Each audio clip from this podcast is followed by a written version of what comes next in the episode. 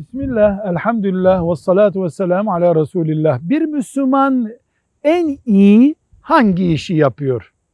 Ben çocuğumu test edeceğim veya kendimi test edeceğim. En iyi hangi işi yapıyorum Allah'ın kabul etmesi bakımından diye merak ediyorsa farzları ve haramları çıkarıyoruz. Yani haramlardan ne kadar kaçıyorsan, farzları ne kadar yapıyorsan bu istatistiğe dahil değil. Bunun dışında en iyi işim en ihlaslı, en sürekli ve yararı en yaygın olan hangisi ise en iyi işim odur. En iyi işi yapmakta, en güzel ameli yapmak için yaratıldığımıza göre bizim hedefimizdir. Velhamdülillahi Rabbil Alemin.